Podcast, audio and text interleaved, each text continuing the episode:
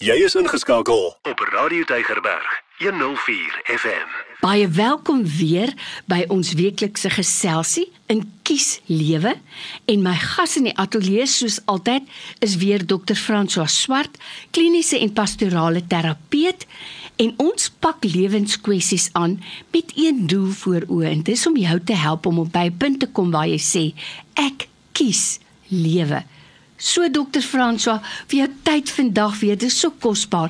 Ons waardeer dit regtig. Dankie Lorraine en ons sien uit om saam met jou en die luisteraars te kuier.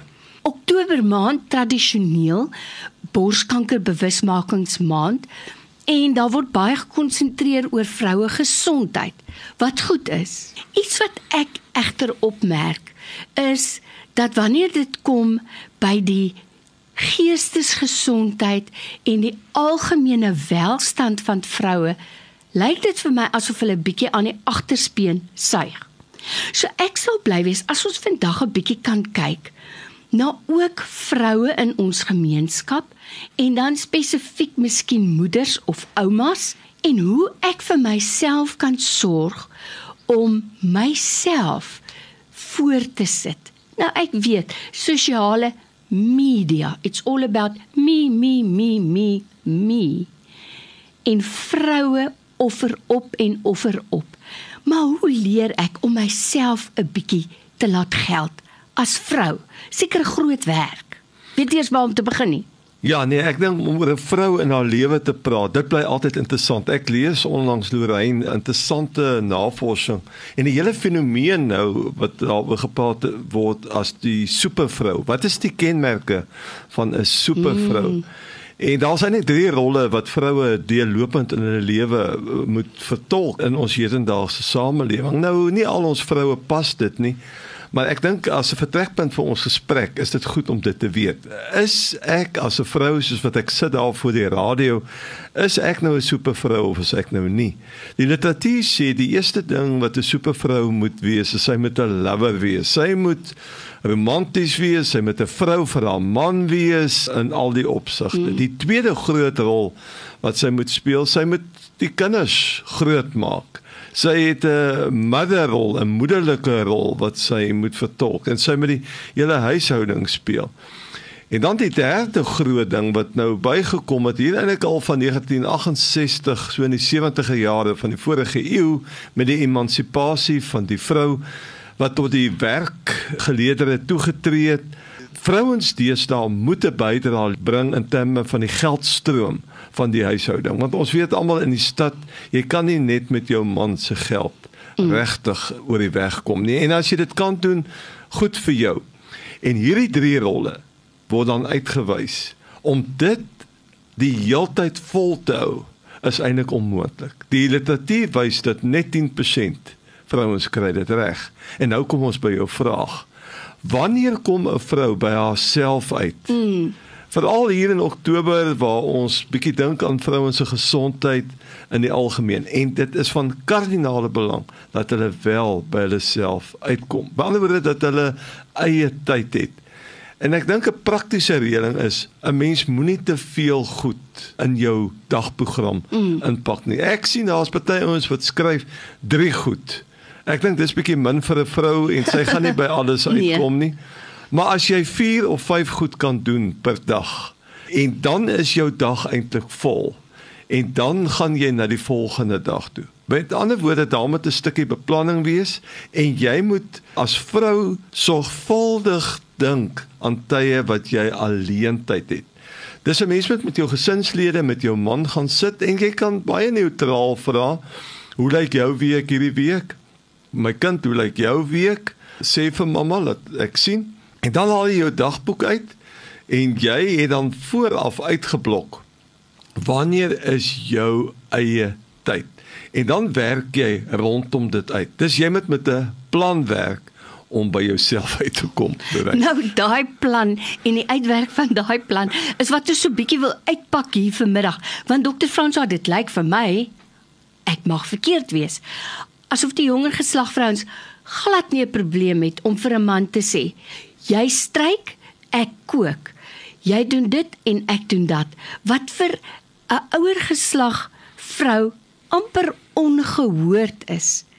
Maar ons moet erken in 'n samelewing waar daar druk op almal is, is dit 'n formule wat werk. Nou soos ek nou net gesê het met jonger vrouens lyk dit vir my dis nie 'n probleem nie. Iewers leer hulle dit, ek weet nie waar nie.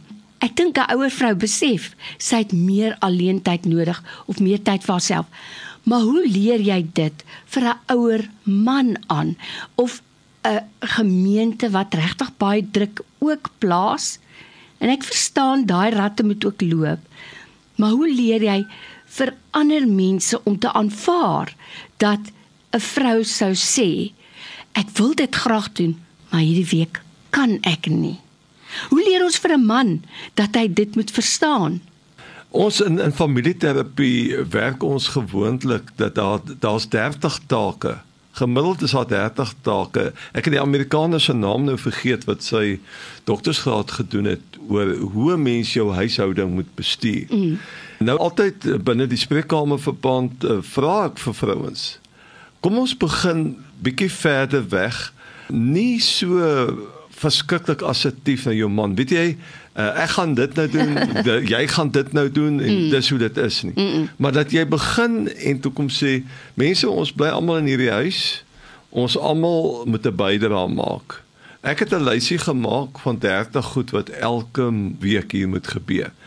Nou dan vra ek vir die vrouens, skryf dit vir my neer. Hulle kom gewoonlik so by 18 of 19 of 20. Dan sit ons die ander 10 by.